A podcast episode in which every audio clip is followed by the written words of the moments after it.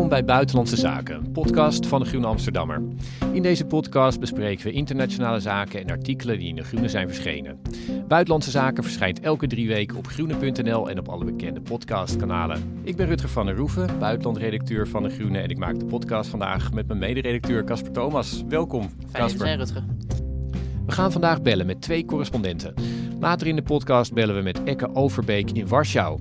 In Polen zette de regeringspartij PIS het land de afgelopen acht jaar op een onverbloemd illiberale en populistische koers. De partij stookte spanningen in het land op, probeerde media en de rechterlijke macht onder zijn controle te brengen en rechtvaardigde zich met permanente uithalen naar de Europese Unie en allerlei zogenaamde vijanden van Polen. Het was niet genoeg om weer de meerderheid in het parlement te veroveren en Ekke gaat ons bijpraten over de gevolgen daarvan. Kasper en ik gaan ook luisteren naar historische woorden van Volodymyr Zelensky, de president van Oekraïne. Hij stelde de invasie door Rusland gelijk aan de aanval van Hamas op Israël en hij roept op tot een wereldwijd front tegen terrorisme. Maar eerst gaan we het hebben over het Israël na de aanval van Hamas van vorige week zaterdag en over de aangekondigde invasie van Gaza, die daar waarschijnlijk het gevolg van zal zijn. We gaan dat doen met Simone Korkus, correspondent van de Groen in Israël. Simone, welkom. Dankjewel, Rutger, dankjewel. Uh, Simone, je bent zelf niet Joods, maar je bent eind jaren 90 naar Israël verhuisd. Uh, je woont onder Tel Aviv. Je werkt er sinds 2003 als journalist. En je hebt de afgelopen week natuurlijk heel veel uh, gelezen en mensen gesproken, indrukken opgedaan. Je schrijft er ook over in De Groene trouwens. Daar, je maakt er een blog over, dus ik hoop dat, dat luisteraars die, die ook lezen. Kun jij een sfeertekening geven van Israël na de aanvallen van vorige week? Ja, de, de sfeer hier is op dit moment uitermate gespannen. Eh, mensen zijn eh, angstig, zijn uh, zwaar getraumatiseerd. Want iedereen in Israël, het is een klein land, iedereen in Israël kent wel iemand die uh, of gedood is of vermist is. Dus dat geeft een extra spanning. En het is ja, net als bij NASA de countdown, want we zitten nu met ingehouden adem te wachten wat er gaat gebeuren. Of er een, een full front oorlog gaat uitbreken met Gaza en mogelijk met de Hezbollah in het noorden en mogelijk ook met Iran.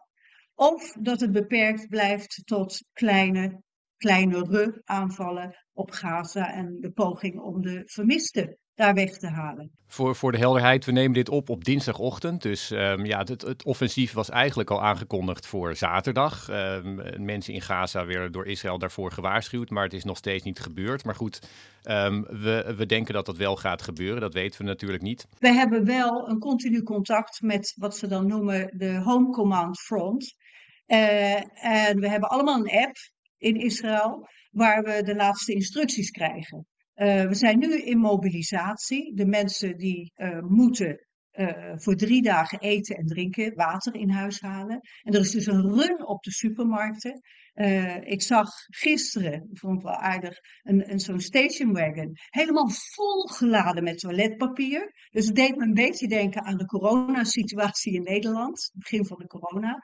Verder kregen we berichten dat iedereen heeft tegenwoordig een, een safe room in zijn huis dat we uh, de ventilatiekanalen in die room, dat we die hermetisch moeten afsluiten. Wat voor mensen weer extra angst geeft, want dat lijkt erop dat er ook een mogelijkheid bestaat van een chemische oorlog. Dus de angst hier die loopt heel, heel hoog op op het ogenblik. Ja.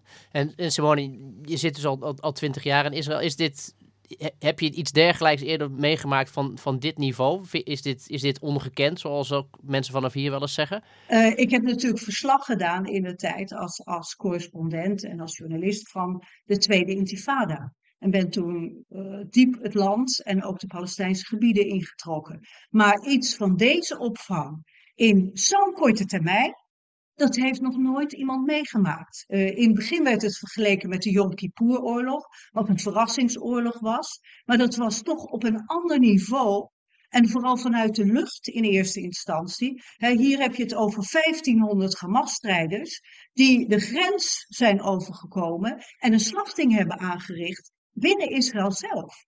En dat is ongehoord, dat is ongekend en dat is van zo'n Uh, zo'n grote, dat is zo'n grote schok dat de mensen dat nog aan het verwerken zijn. Terwijl intussen nog steeds de raketten neerkomen op Israël. Hè? Wij hebben hier uh, nog maar twee keer in het, nog, nog maar twee keer in een uh, schouwkelder moeten zitten vanwege een aanval. Maar er zijn gebieden, ja, daar is het aan de lopende band. Dus echt veel tijd om je trauma's te verwerken is er niet. Ja, je hebt het over um, nou ja, de mensen, dat heel veel mensen, uh, families of zelfs uh, of, of mensen kennen die zijn gedood. Maar het, het, is natuurlijk ook zo dat de afgelopen twintig jaar Israël eigenlijk zo'n overhand leek te hebben op, uh, op Hamas. dat, het, dat het leek alsof Israël zeg maar kon, um, ja, zichzelf kon afsluiten ervoor. er, er werd eigenlijk niet meer gepraat over een politieke oplossing met Hamas, omdat ook de, de regering Netanyahu zich, zichzelf zo sterk leek te, leek te achten. En heel hard terugsloeg als er vanuit uh, Gaza of, of vanuit, vanuit Palestijnse groepen geweld kwam. Dus is in elk in meteen, zeg maar, met, met die angst die je beschreef, is ook het zelfvertrouwen weg dat Israël zichzelf beschermen kan? Ja, absoluut. Uh, het is meer dan zelfvertrouwen. Het is het totale vertrouwen in dit project van de staat Israël. Van heeft het nog wel een toekomst? Dat in eerste instantie. In tweede instantie is het vertrouwen absoluut weg in, de, in deze regering. En uh, de Israëlische burger was inderdaad, voelde zich zeker, omdat het, zoals de mythe zegt, het kleinste en best geëquipeerde leger ter wereld had. Uh, nu komen allerlei uh, dingen boven water Onder meer dat de gebieden in het zuiden, dat heet Haotef, dat is een, een, een conglomeraat van kibbutzen en dorpen, die eigenlijk een soort bescherming, een buffer vormen ten opzichte van de Gazastrook. Die zijn altijd zeer goed bewapend geweest, ook door, door uh, eigen veiligheidsbeambten in de dorpen zelf. Sinds enige tijd is het budget voor die uh, beambten is teruggedraaid. Uh, betekent dat in sommige plaatsen was er nog maar één beambte met één pistool. En die moest dus vechten tegen mensen met mitrailleurs. Uh, de subsidies zijn teruggedraaid en dat is weer direct te verwijten aan de overheid, die bijvoorbeeld wel de kolonisten in de Westbank uh, bewapend heeft. En de wapenwet zelfs veranderd heeft, zodat kolonisten in de Westbank met een vuurwapen kunnen rondlopen. Die scheve verhoudingen, die worden direct door de bevolking, de regering verweten.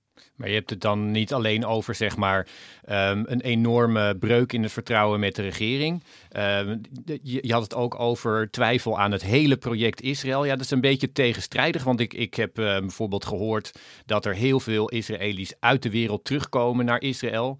Er is niet een, een run vanuit Israël gaande, in ieder geval niet van Israëli's zoals ik dat kan lezen. Wel van heel veel mensen met twee nationaliteiten of, of, of buitenlanders in Israël.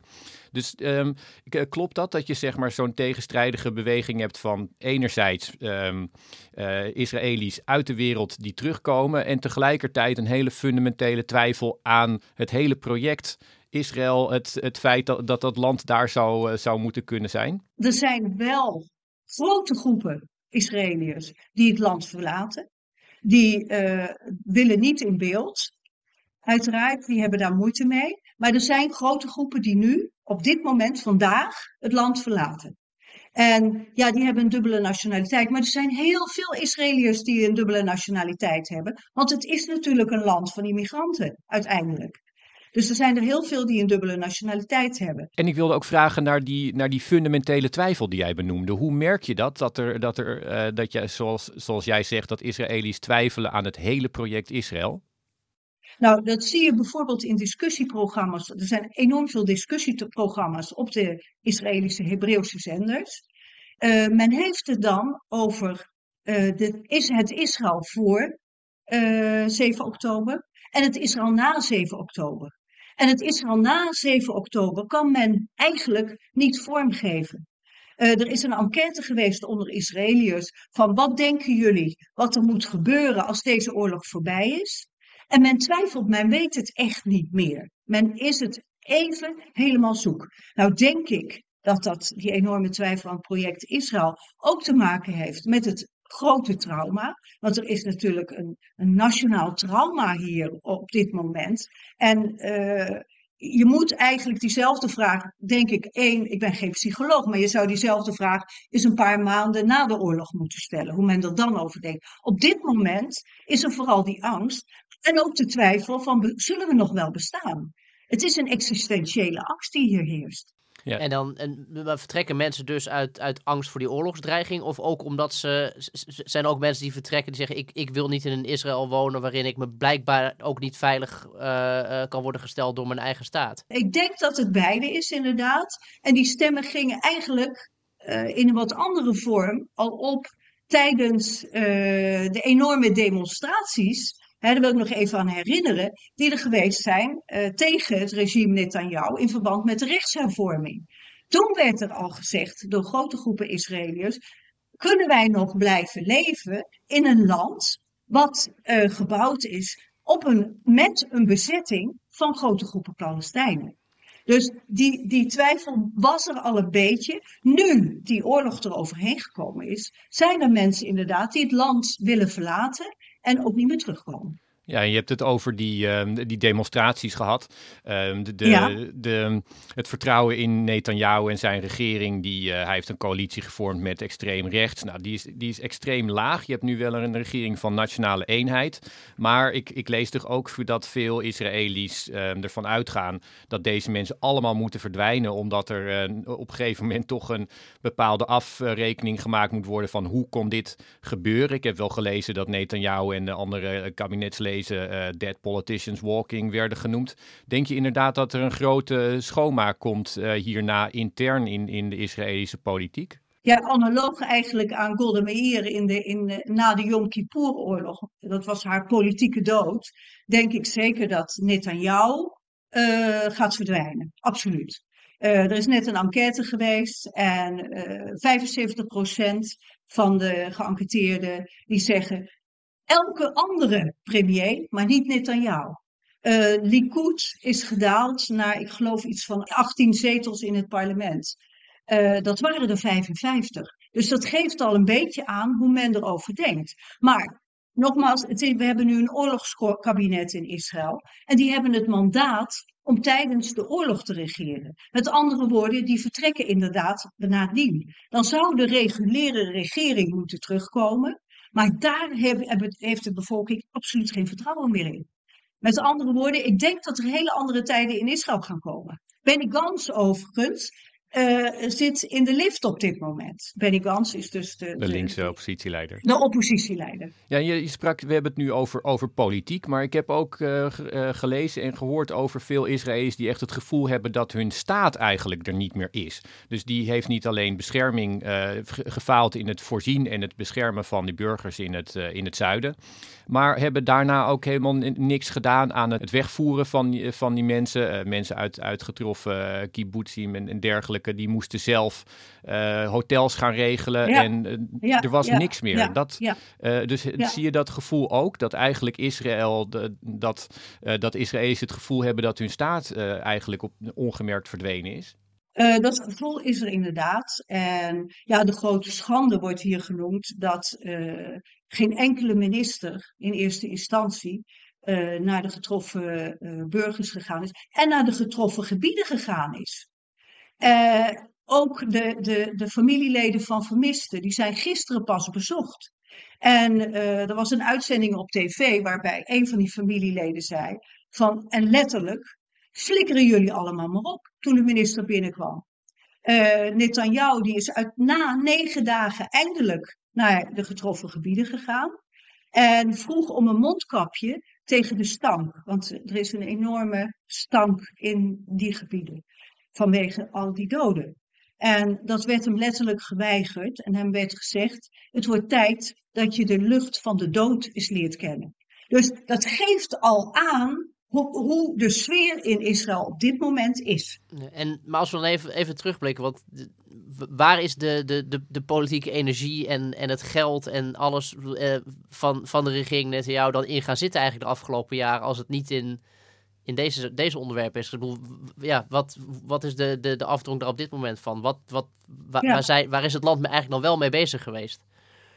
Nou, dat, dat was dus ook de grote vraag tijdens de grote protestacties tegen uh, de rechtshervormingsplannen van Netanyahu, hè, waar dat de democratie daaraan ten onder zou gaan, dat heel veel van die gelden gesluist zijn naar uh, religieuze instanties, uh, religieuze doeleinden. Er zitten natuurlijk in de regeringscoalitie zitten een aantal religieuze partijen die eindelijk aan bod komen en ervoor zorgen dat een groot deel van de financiën daar naartoe gesluist wordt. In het uh, bezetten van de Westhoever, denk ik, of niet? Ja, dat is de volgende stap. Religieuze organisaties in Israël. Dus religieuze scholen, de, de yeshiva's, uh, uh, alle mogelijke religieuze doeleinden, daar is geld in gestoken. En dat betekent dus, jij kunt het geld maar één keer uitgeven, zeggen we in Nederland, dat dat geld niet meer beschikbaar was voor de uh, in het zuiden, die bovendien uh, op socialistische basis uh, gestart zijn. En dat daar geen geld voor beschikbaar was. Dat is een beetje het probleem. En daarbovenop is er veel geld gestoken aan de settlements, de opbouw van settlements en de uitbreiding van settlements in de Westhoeven. En iets, um, iets anders is dat, nou ja, we hebben nu, we zien zeg maar een oorlog aankomen. Hij, uh, we, gaan er, we gaan er maar vanuit op dit moment dat hij, uh, dat hij ook zich gaat, uh, ja, dat hij er gaat komen. Dat Israël, zoals aangekondigd, um, eerst de helft van Gaza en daarna mogelijk heel Gaza gaat innemen. Um, die grondinvasie is nog niet begonnen, maar Israël heeft al bijna 3000 um, Palestijnen gedood, zegt uh, Gaza's ministerie van Gezondheid. Uh, 10.000 verwond. Die aantallen, daar, daar weten we gewoon nu al zeker van. Die gaan enorm oplopen. Die gaan, uh, zeker als die grondinvasie heel Gaza gaat innemen, dan, dan worden dat enorme aantallen. Um, hoe wordt dat besproken in Israël, die, die doden die uh, het Israëlische leger nu al heeft gemaakt en die er ook in het vooruitzicht staan uh, aan Palestijnse kant? Uh, ja, dan krijg je dus de, de, zeg maar de, de oorlog om het beeld, de strijd om het beeld. En, en er is een, op dit moment al een mediaoorlog gaande. in de is Israëlische, Hebreeuwse media, en vooral op tv, want dat is toch wat de me meeste Israëliërs bezighoudt, worden de aantallen doden genoemd. Palestijnse doden, Gazaanse doden. Maar er is nauwelijks beeld over het leed wat daar ook plaatsvindt. Want het is natuurlijk niet niets dat er 3000 mensen gedood zijn. Uh, dat er nauwelijks voorzieningen zijn voor de gewonden. En dat er ook kinderen gedood zijn. Hè? Laten we eerlijk zijn, er zijn daar ook kinderen gedood. Uh, daar is nauwelijks sprake van. Buiten de... En waarom niet, denk je? Ik denk dat men nu heel erg bezig is met zijn eigen leed. Met, er worden dus continu beelden herhaald van de vermisten. Uh, er worden continu beelden herhaald van de plaatsen waar de slachting zich heeft afgespeeld. En dan worden de close-ups getoond van kapotte huizen. Uh, uh, met foto's van mensen die vermoord zijn. en er is nauwelijks plaats voor het andere leed. En dat is niet overal. De, krant Haaretz besteedt bijvoorbeeld wel daar uh, aandacht aan. Maar voor de, in de meeste media is daar nauwelijks plaats voor. En, en, zie je dan ook mensen op televisie zeggen dat ze, daar, dat, ze dat niet willen weten? Of is dat, gewo dat gewoon een preoccupatie met het eigen leed? Nou, op, op televisie wordt dat niet uitgesproken. Het is inderdaad, men is bezig met zijn eigen leed.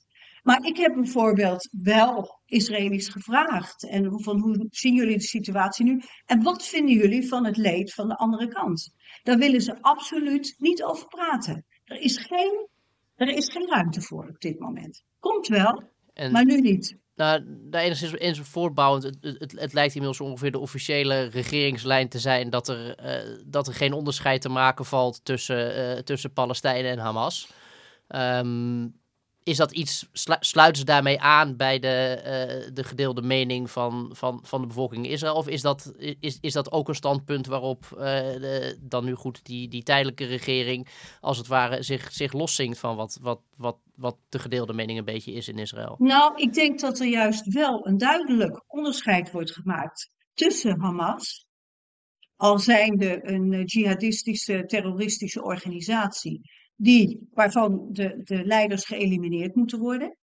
En de Palestijnen, want de Palestijnen zijn de Palestijnen in de Westoever, de Palestijnen in Israël zelf en de Palestijnen en de Gazanen. En ik denk dat dat verschil er duidelijk is. En al meerdere keren is de uitspraak gedaan van we hebben geen oorlog met de Palestijnen als geheel, als volk, maar met de Hamas.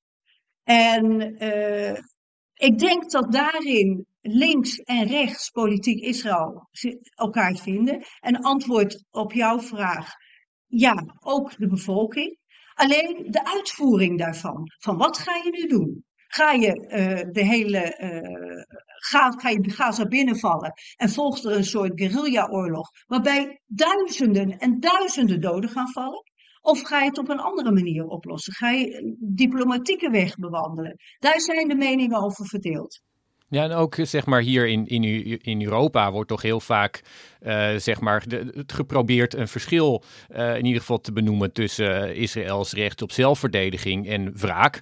Um, maar het lijkt er in ieder geval hier vanuit, vanuit Amsterdam toch wel alsof in, binnen de Israëlse regering die twee dingen heel erg door elkaar lopen. klopt dat of wordt dat onderscheid wel, wel gemaakt en um, blijf, blijft de regering en ministers op die lijn zitten van zelfverdediging? Zelfverdediging en, en mengen ze dat niet op die manier?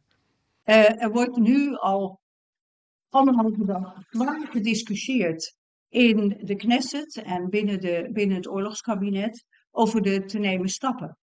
Uh, er is steeds gezegd dat het wraak gaat nemen dat op, op Hamas.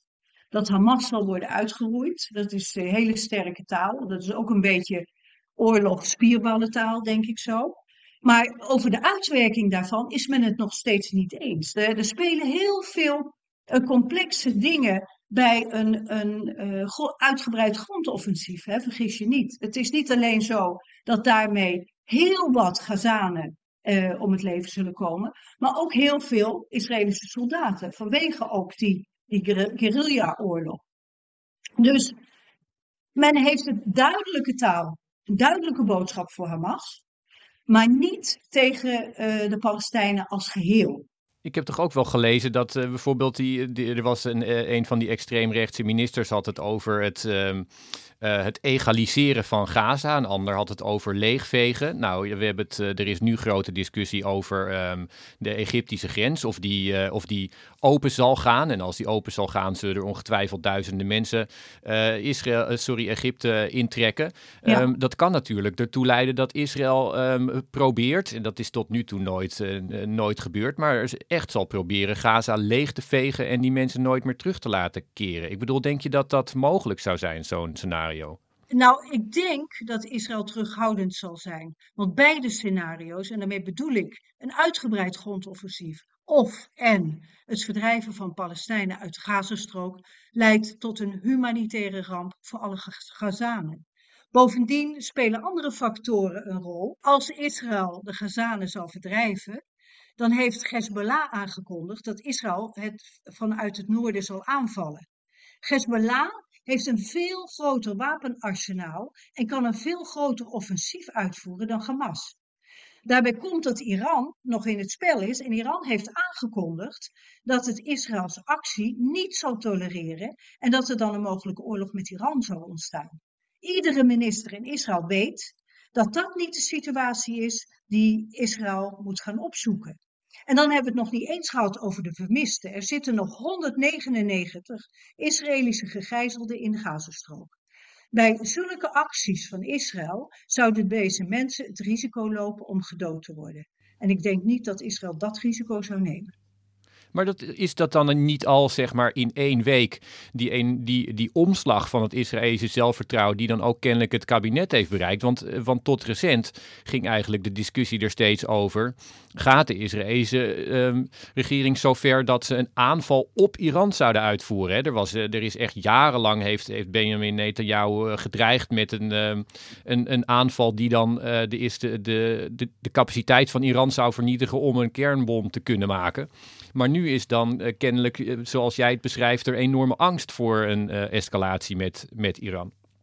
Ja, absoluut. En ik denk ook dat er, zeker na deze oorlog en met de nieuwe regering, dat er een herziening zal komen van alle veiligheidsmaatregelen en een, ja, het in kaart brengen van wat zijn eigenlijk de grootste gevaren voor Israël.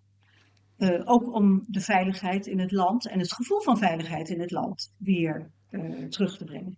Ja, ik, ik had in, uh, meteen na de, zeg maar in de eerste, eerste dagen na die aanval, toen hoorde ik mensen in commentaar zeggen van, nou, ja, Netanyahu die, die vermijdt het onderwerp uh, als, als de pest, maar het, het kan niet anders dan dat er in de toekomst gaat worden gesproken over de noodzaak dat de Palestijnen toch weer onder een verenigde um, ja, woordvoerder of vertegenwoordiging komen. En nu is het zo dat um, Hamas bestuurt uh, Gaza. Die hebben daar de, de macht gegrepen, niet gekregen, maar echt um, gewapenderhand ge, gegrepen. Nou, je hebt nog steeds de Palestijnse autoriteit in de, in de Westoever. Nou ja, daar, daar werd inderdaad een paar dagen niet over gesproken. Maar nu is het al uh, Ehud Barak, een oud premier, die, die zei van ja, we kunnen er niet anders omheen dan toch weer een, ja, een, een geloofwaardige partij aan de andere kant uh, uh, ja, met, een, met een geloofwaardige partij gaan spreken die voor alle Palestijnen uh, spreekt. Denk jij inderdaad dat daarmee ook um, mogelijk voor beide ja, de, het leed en de oorlog die we nu uh, in de ogen kijken, zeg maar. Dat er een, nieuwe mogelijkheid komt voor een, een politieke uh, oplossing, of in ieder geval herstart van die politieke dialoog.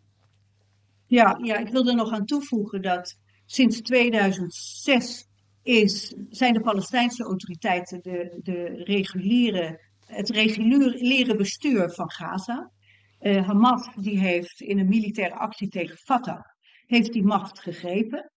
En uh, er gaan inderdaad stemmen op om die reguliere regering, bestuur, om die weer terug te brengen en om beide gebieden, uh, Gaza en de Westbank, te verenigen. Nou, zijn er ook vraagtekens bij de vraag wie van de Palestijnse kant dat zou moeten doen.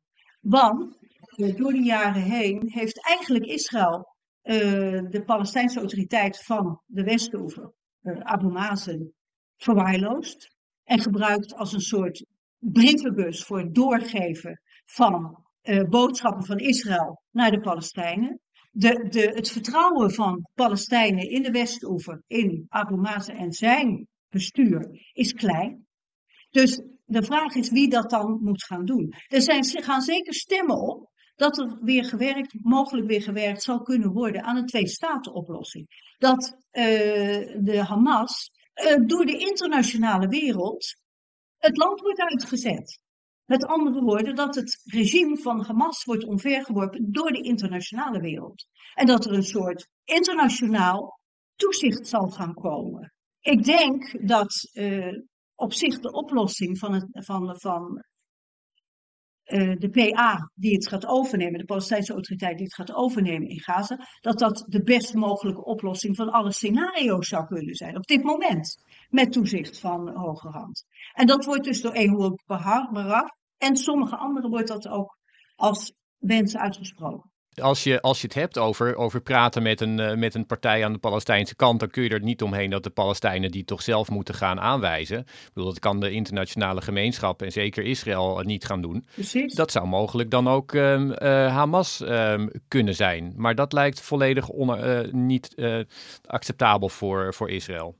Nee, dat kan korting zijn, nee. En ik denk voor heel wat Palestijnen die nu op dit moment niet durven praten, omdat ze midden in die, die oorlog zitten. Maar ook voor heel veel Palestijnen is het niet wenselijk.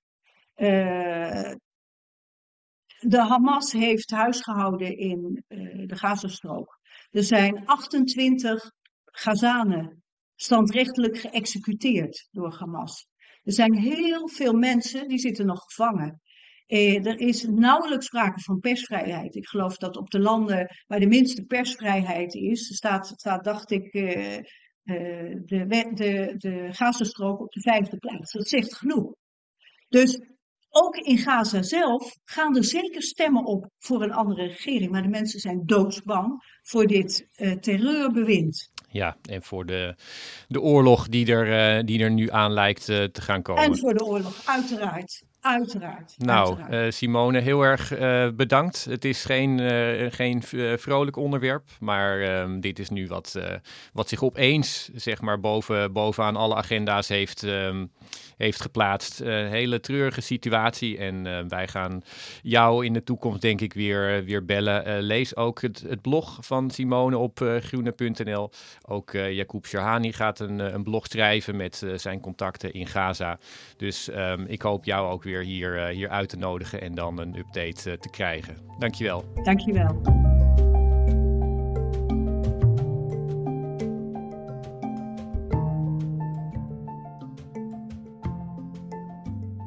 En dan nu historische woorden, onze rubriek waarin we een citaat bespreken uit de afgelopen weken dat zomaar historisch zou kunnen worden. We luisteren naar een oude bekende, de president van Oekraïne, Volodymyr Zelensky. Ізраїль має повне право на захист від терору, як і будь-яка інша держава. І дуже важливо, щоб увесь світ об'єднано та принципово реагував на терор. Жодної підтримки терористам, куди б вони не спрямовували свої ракети та на кого б вони не нападали, терористи повинні програвати.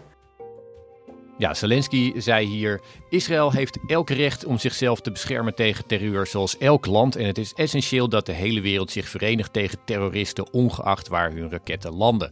Nou, hij had het later ook, uh, maakte hij heel expliciet duidelijk van. Wij zijn slachtoffer van terreur in Oekraïne en, uh, en Israël is dat nu ook.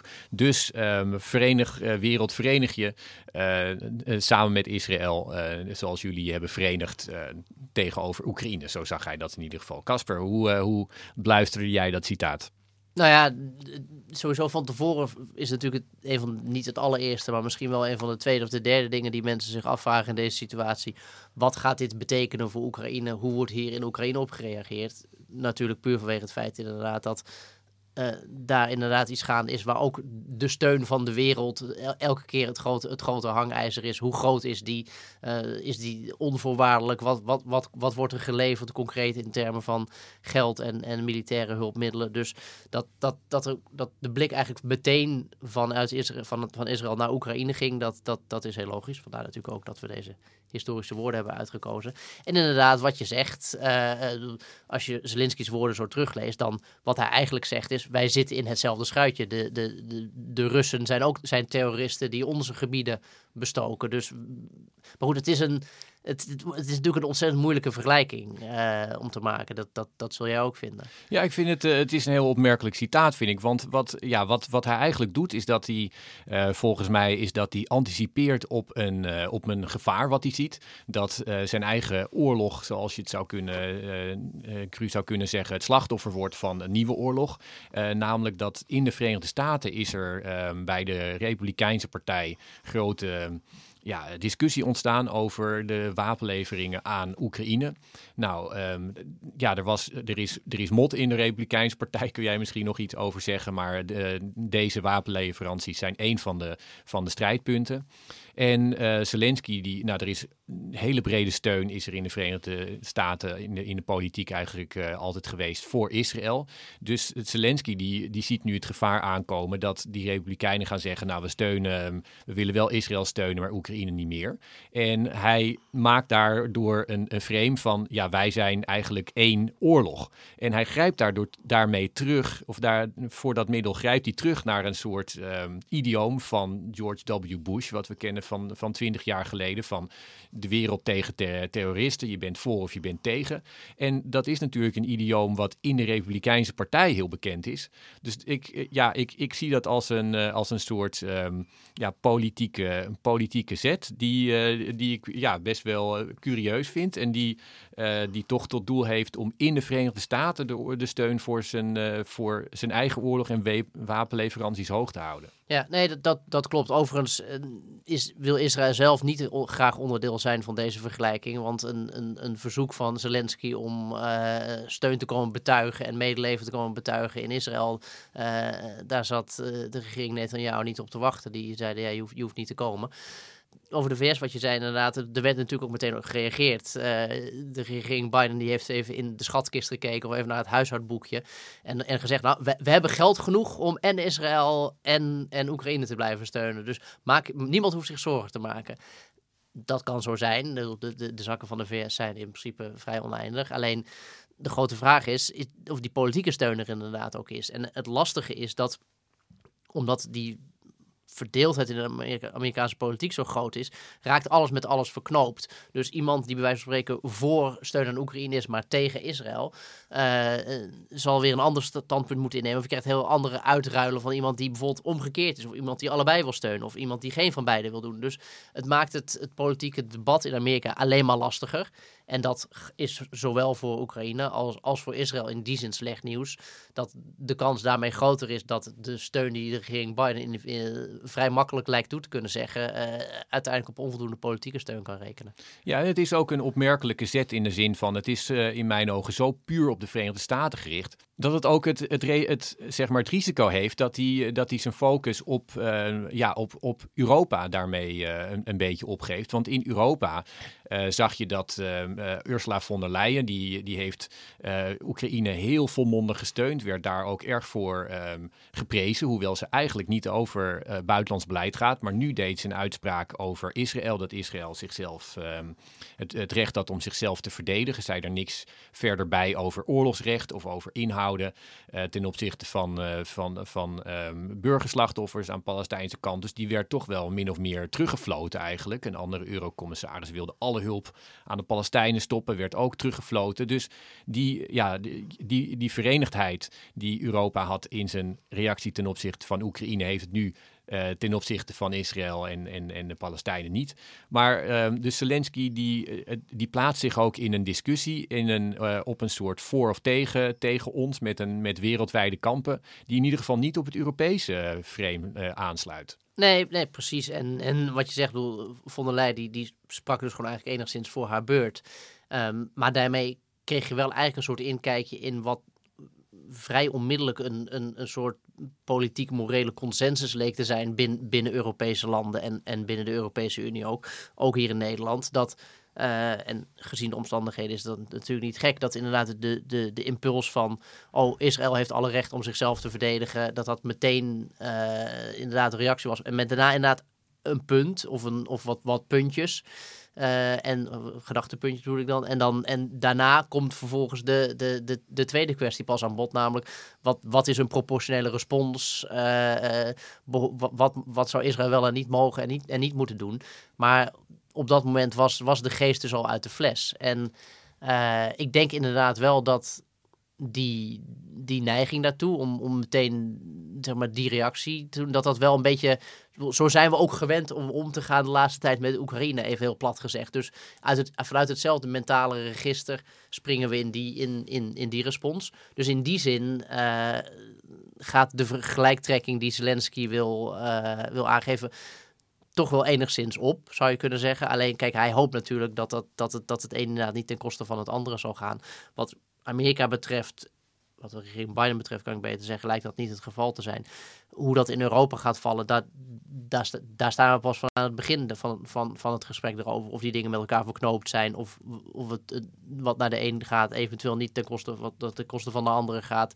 Dus ik, ik, ik, ik, in die zin snap ik Zelensky wel. Ja, nou, ik, ik denk dat hij een risico nam door zich zo, uh, zo vol achter Israël te scharen. Omdat hij eigenlijk wel, wel wist, ik bedoel, door zijn eigen oorlog zo gelijk te stellen, maakte hij ook een, nam hij een risico. Omdat in Europa dat gewoon uh, de oorlog in Oekraïne anders wordt bekeken dan de oorlog in, uh, in Israël. Er is in ieder geval veel meer um, ja, uh, uh, zeg maar twee, twee kampen of, of, of mensen die, die anders aankijken dan naar de oorlog tussen Israël en de, en de Palestijnen die nu uit te breken lijkt, dan die, die invasie van Rusland. Dus het gelijkstellen neemt hij een risico mee. En ik denk dat hij daar, daar eigenlijk wel op um, ja, zich langzaam stilletjes dat, dat weer terug gaat lopen en die, die vergelijking niet meer de hele tijd zo, zo hoog zal spelen. Nee, dat denk ik ook. Kijk, om het punt maar te maken, het is niet dat er na de Russische inval in Oekraïne in, in Nederland of andere Europese steden demonstraties werden opgezet om, om Rusland te steunen. Dus weet je, hier gaan op een, op een zaterdag in Amsterdam uh, zijn er, worden de politieke meningsverschillen over dit conflict worden in, in verschillende demonstraties bij wijze van spreken geuit. En die schakering van mening op die manier had je, heb je niet aan als het gaat om de, het Russisch-Oekraïns conflict. Dus in die zin gaat de vergelijking inderdaad makkelijk.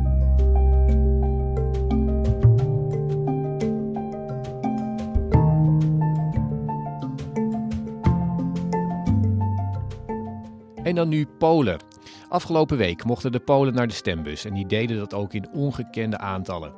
Er werd al maanden met angst en beven naar deze verkiezingen aangekeken.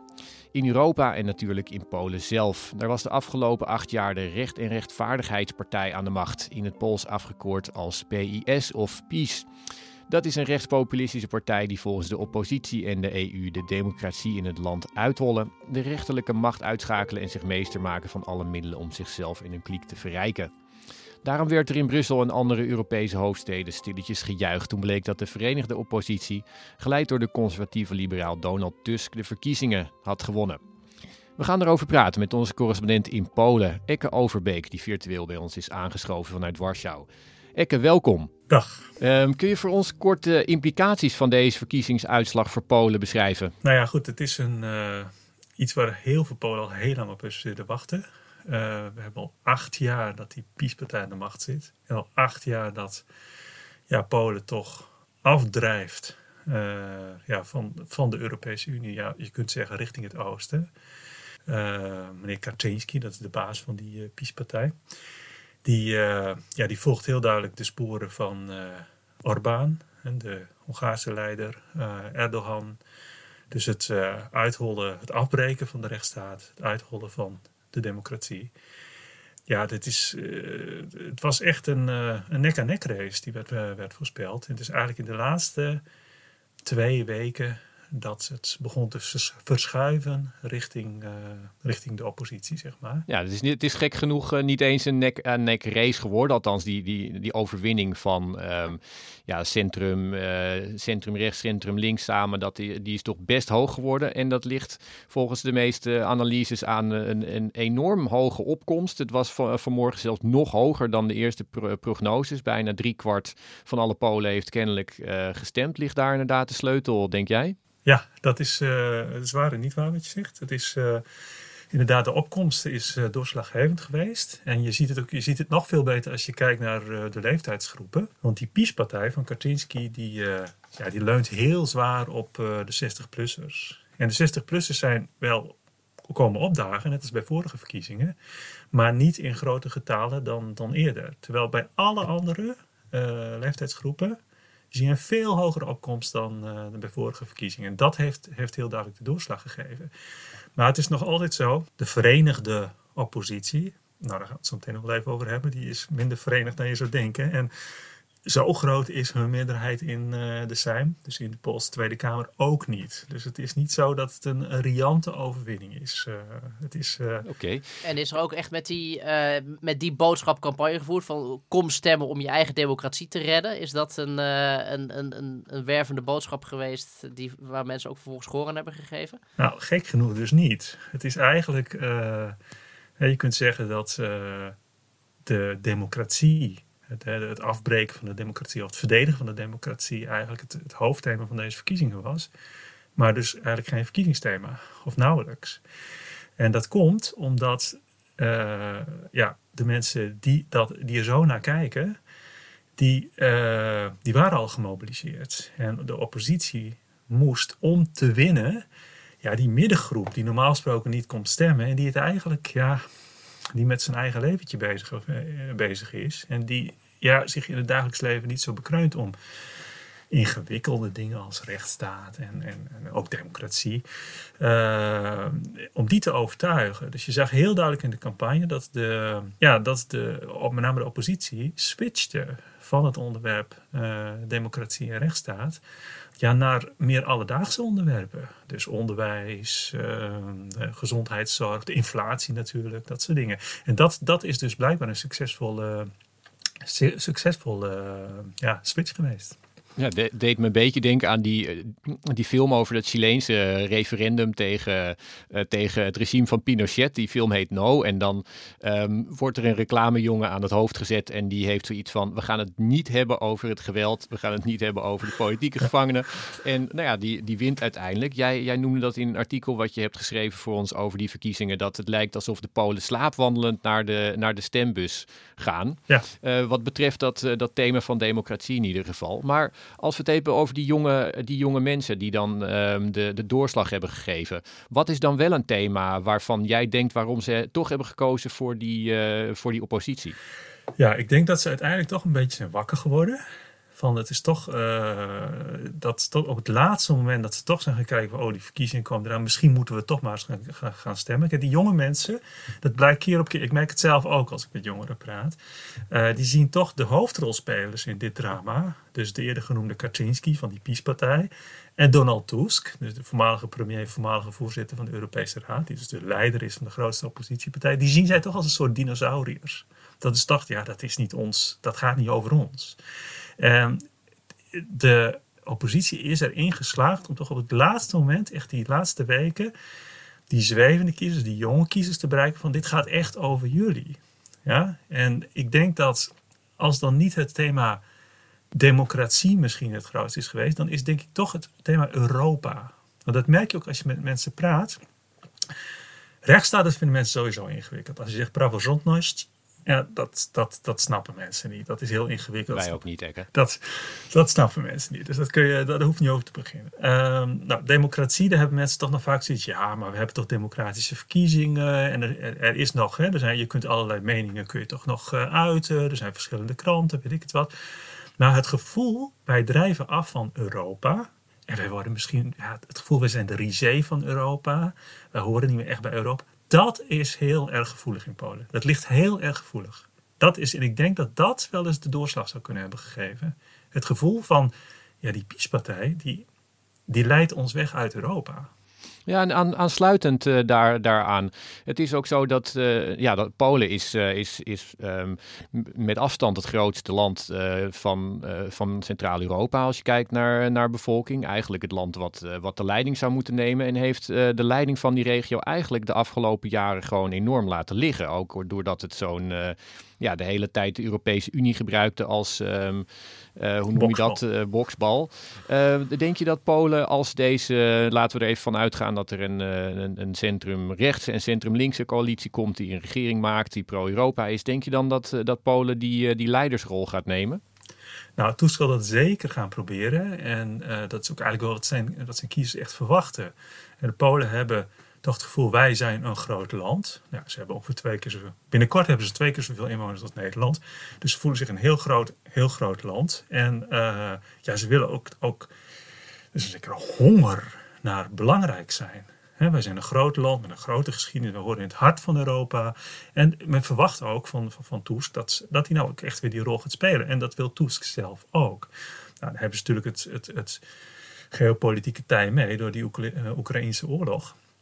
En waarin Polen natuurlijk ja, een, uh, ja, gewoon op een plek ligt waar niemand letterlijk omheen kan. Dus uh, ja, ik vermoed dat, uh, dat ze dat wel gaan doen, ja. Past een beetje het thema wat we hier wel vaker ook in de podcast besproken hebben... over het, het verschuiven van de, de grote aanjager van de Europese dynamiek richting het oosten. Terwijl hier iedereen een beetje lauwtjes over de EU doet. zijn er gelukkig, zou je kunnen zeggen, misschien plekken nog waar de toekomst binnen of buiten de EU of met één been of met een half been uh, de mobiliserende factor is bij verkiezingen. Ja, maar dat komt ook omdat wij de Europese Unie al het goede wat de Europese Unie brengt toch als een gegeven beschouwen. En dat is hier natuurlijk minder zo. Kijk, je hebt hier een hele generatie, of meerdere generaties, die nog heel goed het communisme kunnen herinneren. Die nog weten hoe het is om te leven in een land. Nou ja, wat zeg ik? In 2004 zijn ze toegetreden tot de Europese Unie. Dus het ja, de meeste mensen herinneren zich nog wel hoe het is om buiten die Europese Unie te zijn. En het, de, alles wat die Europese Unie geeft, daar is men zich heel erg bewust van. Veel meer dan bij ons. Kijk, wij, wij zijn allemaal opgegroeid met het idee dat we erbij horen. En dat we bij Europa horen, dat we bij de Europese Unie. Wij, wij beschouwen dat als iets wat gegeven is. En we zijn ons niet altijd meer zo bewust van ja, hoe belangrijk de Europese Unie is. En dat, dat, bewustzijn, dat is hier veel sterker dan in West-Europa. En als je zegt ge, wat, wat, het goede dat Europa geeft, bedoel je dat in, in, wordt dat in materiële zin gezegd? In mm -hmm. subsidies, dat soort zaken? Of ook dus in de softe, wat, meer ideologische uh, kant? Welk, ja, welke, welke waarden horen daarbij? Allebei, uh, maar met name de praktische dingen. Dat is inderdaad, subsidies is een heel belangrijk ding. Maar ook vooral, denk ook even aan het vrij reizen. Uh, dat is heel erg belangrijk. Polen, heel veel Polen hebben natuurlijk altijd, die hebben nog in herinnering dat ze opgesloten zaten in het land. dat je, als je een paspoort wilde, dat, dat, dat kreeg je van de staat en dan moest je weer inleveren als je weer terugkwam in Polen. En dat was een, dat gevoel van vrijheid dat, dat Europa geeft, daar is men zich hier heel erg bewust van. En wij hebben dat niet zo. Want wij beschouwen die vrijheid gewoon als ja, gegeven als die nieuwe uh, coalitie er komt. Je hebt natuurlijk sommige landen, zoals de Verenigde Staten, waarin je een duaal systeem hebt. En dan gaan gewoon alle uh, ambtenaren eruit. En dan begin je helemaal op, uh, opnieuw. Dat uh, lijkt in, uh, in Polen nogal anders te zijn. Zeker na acht jaar uh, aan de, dat die, die recht- en rechtvaardigheidspartij aan de, aan de macht was. Hoe, hoe voorzie je die, die, die coalitie controle nemen over het land? En wat zie je, zie je daar implicaties voor wat zij kunnen gaan doen in de komende vier jaar? Zoals gezegd, hun meerderheid is vrij klein. Ze hebben een meerderheid van 18. Hè? Ze hebben 18 zeteltjes op 460. Hebben ze een reserve om die meerderheid te behouden. Er zijn een paar dingen die je heel goed in je, op het netvlies moet hebben. In de eerste plaats is dat dit een heel brede coalitie is. Die gaat van links, ook extreem links, tot en met zeer conservatief. En ook met potentieel heel veel conflicten aan de, binnen de coalitie. Die nou, deels al zichtbaar zijn. Ze begonnen nu al over de stoeltjes te, te ruzien. Tweede, in tweede plaats, ja, ze erven toch een, uh, maar beschadigd staatsapparaat. En dat is uh, zowel een lege schatkist als uh, weinig vertrouwen of afgebroken vertrouwen in instituties. En dat moeten ze allemaal weer gaan opbouwen. Hoge inflatie, die wordt nu kunstmatig onder de 10% gedrukt met allerlei, uh, nou, door de benzineprijs bijvoorbeeld heel laag te houden. Ze hebben grote economische uitdagingen. Maar het allerbelangrijkste is dat die PiS-partij, dus die rechtspopulisten die nu dus de macht aan het verliezen zijn, die hebben zich echt verschanst in diverse sleutelinstituties. Uh, en dan moet je in eerste plaats denken aan het presidentieel paleis. De president Andrzej Duda is een piesman en die zit er nog twee jaar en die heeft een vetorecht. Dus hij kan elke wet kan hij afschieten. En de oppositie, die nu dus waarschijnlijk, hoogstwaarschijnlijk een nieuwe regering gaat vormen, heeft niet de 60% van de zetels om dat presidentiële uh, veto te overstemmen. Dat is één ding. Het constitutionele hof. Dat zit vol met uh, voormalige PiS-politici en uh, PiS-genomineerden. Uh, de centrale bank is een trouwe medestander van de, de, de centrale bankdirecteur. De is een oude strijdmaker van meneer Kaczynski. Nou, zo kunnen we wel even doorgaan. Het Openbaar Ministerie hebben ze nog eventjes in beton gegoten. Door daar met, met wetten uh, bevoegdheden te verschuiven naar mensen die, ze, die niet weg kunnen worden gehaald zonder een wetswijziging, die weer kan worden gevetoed door de president, et cetera, et cetera, et cetera. Dus het wordt heel erg moeilijk voor uh, deze coalitie om te leveren. En ze hebben heel veel moeten, moeten beloven om die reden waar we mee begonnen. Hè, omdat niet democratie en rechtsstaat de grote de inzet van deze verkiezingen werden. Maar allerlei leuke dingen voor de mens. Ja, de te teleurstelling zit al ingebakken bijna, zou je zeggen. Dus, en, en wordt er ook expliciet al gedreigd met, uh, door, door de, door de, de, de, vanuit de pieshoek van we gaan de boel gewoon lam leggen en frustreren waar we kunnen? Of is dat iets waar een beetje besmuikt over wordt gedaan? Uh, dat, is nu nog, dat, dat, dat, zeggen ze nu nog niet, maar iedereen weet dat dat gaat gebeuren. Kijk, Pies, Pies roept nu heel hard, Kaczynski roept nu heel hard. Kijk, wij hebben de derde keer op rij parlementaire verkiezingen gewonnen. En dat is waar. Het is de eerste partij die dat is gelukt in Polen. Ja? Ze zijn de grootste partij geworden, alleen het is een Pires-overwinning. Ja, maar dus ze houden nu nog steeds de retoriek vast van we hebben gewonnen, we hebben gewonnen. Terwijl natuurlijk achter de scherm iedereen weet dat ze hebben verloren. En, uh, ja, en dat ze de boel gaan zoveel mogelijk gaan saboteren en gaan dwarsleggen. En dat ze stokken in de spaken gaan steken, dat is duidelijk. Ja.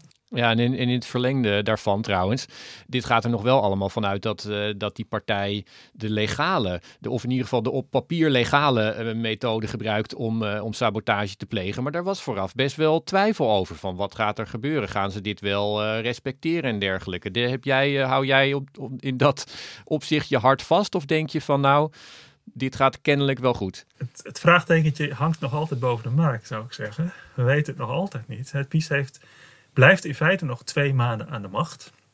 Dat komt omdat er de procedure zoals die is vastgelegd in de grondwet. Ja, uh, bepaalt dat eerst de president al zet is. En dan uh, mag de, die mag dan een partij aanwijzen om een regering te vormen. Nou, dat wordt natuurlijk de PiS-partij. Dus er gaat een heleboel tijd gaat er nog overheen. Nog twee maanden.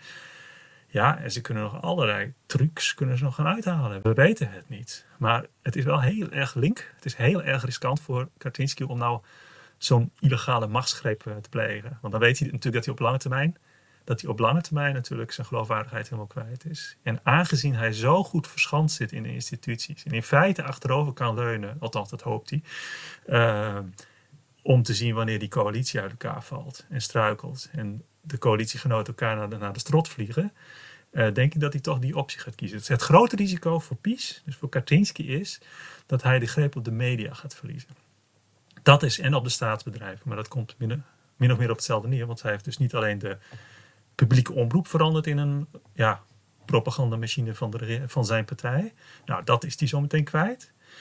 Uh, maar hij is ook de greep op de staatsbedrijven kwijt. En de staatsbedrijven hielden eigenlijk een hele heel scala aan rechts, rechtse, katholieke, nationalistische patriotische, zoals ze dat meestal noemen, uh, blaadjes en krantjes in stand. Nou, dat is zometeen ook afgelopen. Dus hij, hij verliest uh, in feite greep op zijn informatiebubbel. En dat is denk ik, samen met het feit dat zijn electoraat oud is, is dat voor hem de grootste bedreiging. Ja, en qua bedreiging, um, er, er werd ook wel gespeculeerd over zeg maar, het, uh, het scenario dat als deze partij en deze kliek uh, zijn, uh, zijn macht zou verliezen, dat dat zou kunnen eindigen zoals um, ja, bij Donald Trump in het vooruitzicht ligt. Een um, rechtszaken wegens corruptie en dan misschien zelfs een, een, zelfs, een celstraf. is dat iets wat jij mogelijk acht? Ja, kijk, er zijn natuurlijk zaken genoeg waarop deze de hele, hele piestop. Dus uh, ik denk alle ministers, de premier, maar ook uh, Kaczynski zelf. Ja, je kunt ze voor de rechtbank slepen en dat gaat, gaat, dat gaat men ongetwijfeld gaan we dat proberen. De vraag is alleen, ah, in hoeverre daar hè, dat openbaar ministerie, wat door piesmensen ja, min of meer bezet wordt gehouden, uh, daar gaat dwars liggen. En de tweede vraag is natuurlijk, krijg je dan hetzelfde effect wat je in Amerika ook ziet? Dat Trump het in feite als een soort, ja, soort martelaar voor de goede zaak uh, gaat poseren. En dat kan, dat kan dus ook precies het omgekeerde effect hebben. Maar het is inderdaad, het, het, ze zullen zeker, en zullen, dan bedoel ik de, de coalitiepartijen, ze zullen zeker proberen, zullen dat doen wat ze de vorige keer hebben nagelaten toen de PiS de macht verloor. Namelijk zorgen dat ja, PiS uh, wordt afgerekend op alle affaires en al het machtsmisbruik dat we de afgelopen acht jaar hebben gezien. Ja, en uh, zeg maar, jij, jij was als, als journalist ook wel in een, in een lastige positie gebracht uh, de, de afgelopen jaren. Je hebt er ook wel over geschreven van ja, je, je wil objectief verslag uh, doen. Je hebt journalistieke standaarden. Tegelijkertijd zit je in een land waar je ja, voor je gevoel boeven aan de macht zijn die het land uh, de slechte kant op drijven. Dus je, ja, je, je, je voelt dan ook een bepaald. Ehm, ja, dat, dat is toch moeilijk om dan te blijven doen alsof je daar geen, geen mening over hebt. Denk je dat jij, verwacht jij, of hoop jij dat je nu naar een uh, dat, dat jou het land waar je woont koers neemt waarop jij weer op een, uh, op een laten we zeggen, normalere manier je, je werk kan uitoefenen? Nou, ik ben sowieso een zwart schaap in dit land omdat ik het boek over uh, Johannes Paulus II heb geschreven. Ja, groene lezen, uh, luisteraars trouwens, lees dat, dat artikel wat Akke er ook over heeft geschreven in de Groene Amsterdammer van, van de afgelopen jaar. Ontzettend goed, maar sorry, ga door, Ekke. Ehm, maar even los daarvan, wat je ziet als, als dit soort rechtspopulisten of überhaupt dit soort populisten aan de macht komen, is dat, het, dat onpartijdigheid steeds moeilijker wordt. Want ze polariseren enorm volgens het principe wie niet voor ons is, is tegen ons. De, iedereen wordt ingedeeld in de categorie vriend of vijand. Dus het is verschrikkelijk moeilijk voor analisten, voor journalisten, om, om afstand te blijven houden. Je doet je best, maar je wordt in feite door de machthebbers, word je gewoon, krijg je dat etiketje, dat stempeltje op je voorhoofd, dat je bij de vijand hoort. Dat, je, dat je een vijand bent. Ja, dat zal nu minder worden, mag ik mogen behopen. Omdat we weer een min of meer ja, normale democratische regering krijgen. Die, uh, mag je toch hopen, niet volgens deze lijnen zal uh, verder polariseren. Nou, ik help het je heel erg uh, hopen, Ekke. Wij gaan uh, je daar uh, te, zijn er tijd nog uh, naar vragen of dat is uitgekomen. Heel erg bedankt voor je analyse. Graag gedaan.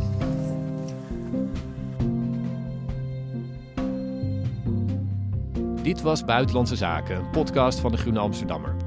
Je hoorde Simone Korkus vanuit Israël, Ekke Overbeek vanuit Warschau en Casper Thomas en Rutger van der Roeven vanuit Amsterdam.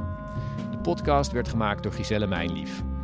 Je vindt ons in het algemene podcastkanaal van de Groene Amsterdammer, maar je doet ons een groot plezier als je je abonneert op ons eigen kanaal Buitenlandse Zaken, dat je onder die naam kunt vinden in je podcast-app. Als je de notificaties aanzet, mis je nooit een uitzending. Meer buitenland kun je vinden in ons weekblad en op de website. Daar staat onder meer de blog van Simone Korkes over Israël en ook regelmatige bijdragen van Jacob Shahani over Gaza. Dank voor het luisteren en als u meer van ons wil lezen of abonnee worden van de Groene Amsterdammer, ga dan naar www.groene.nl.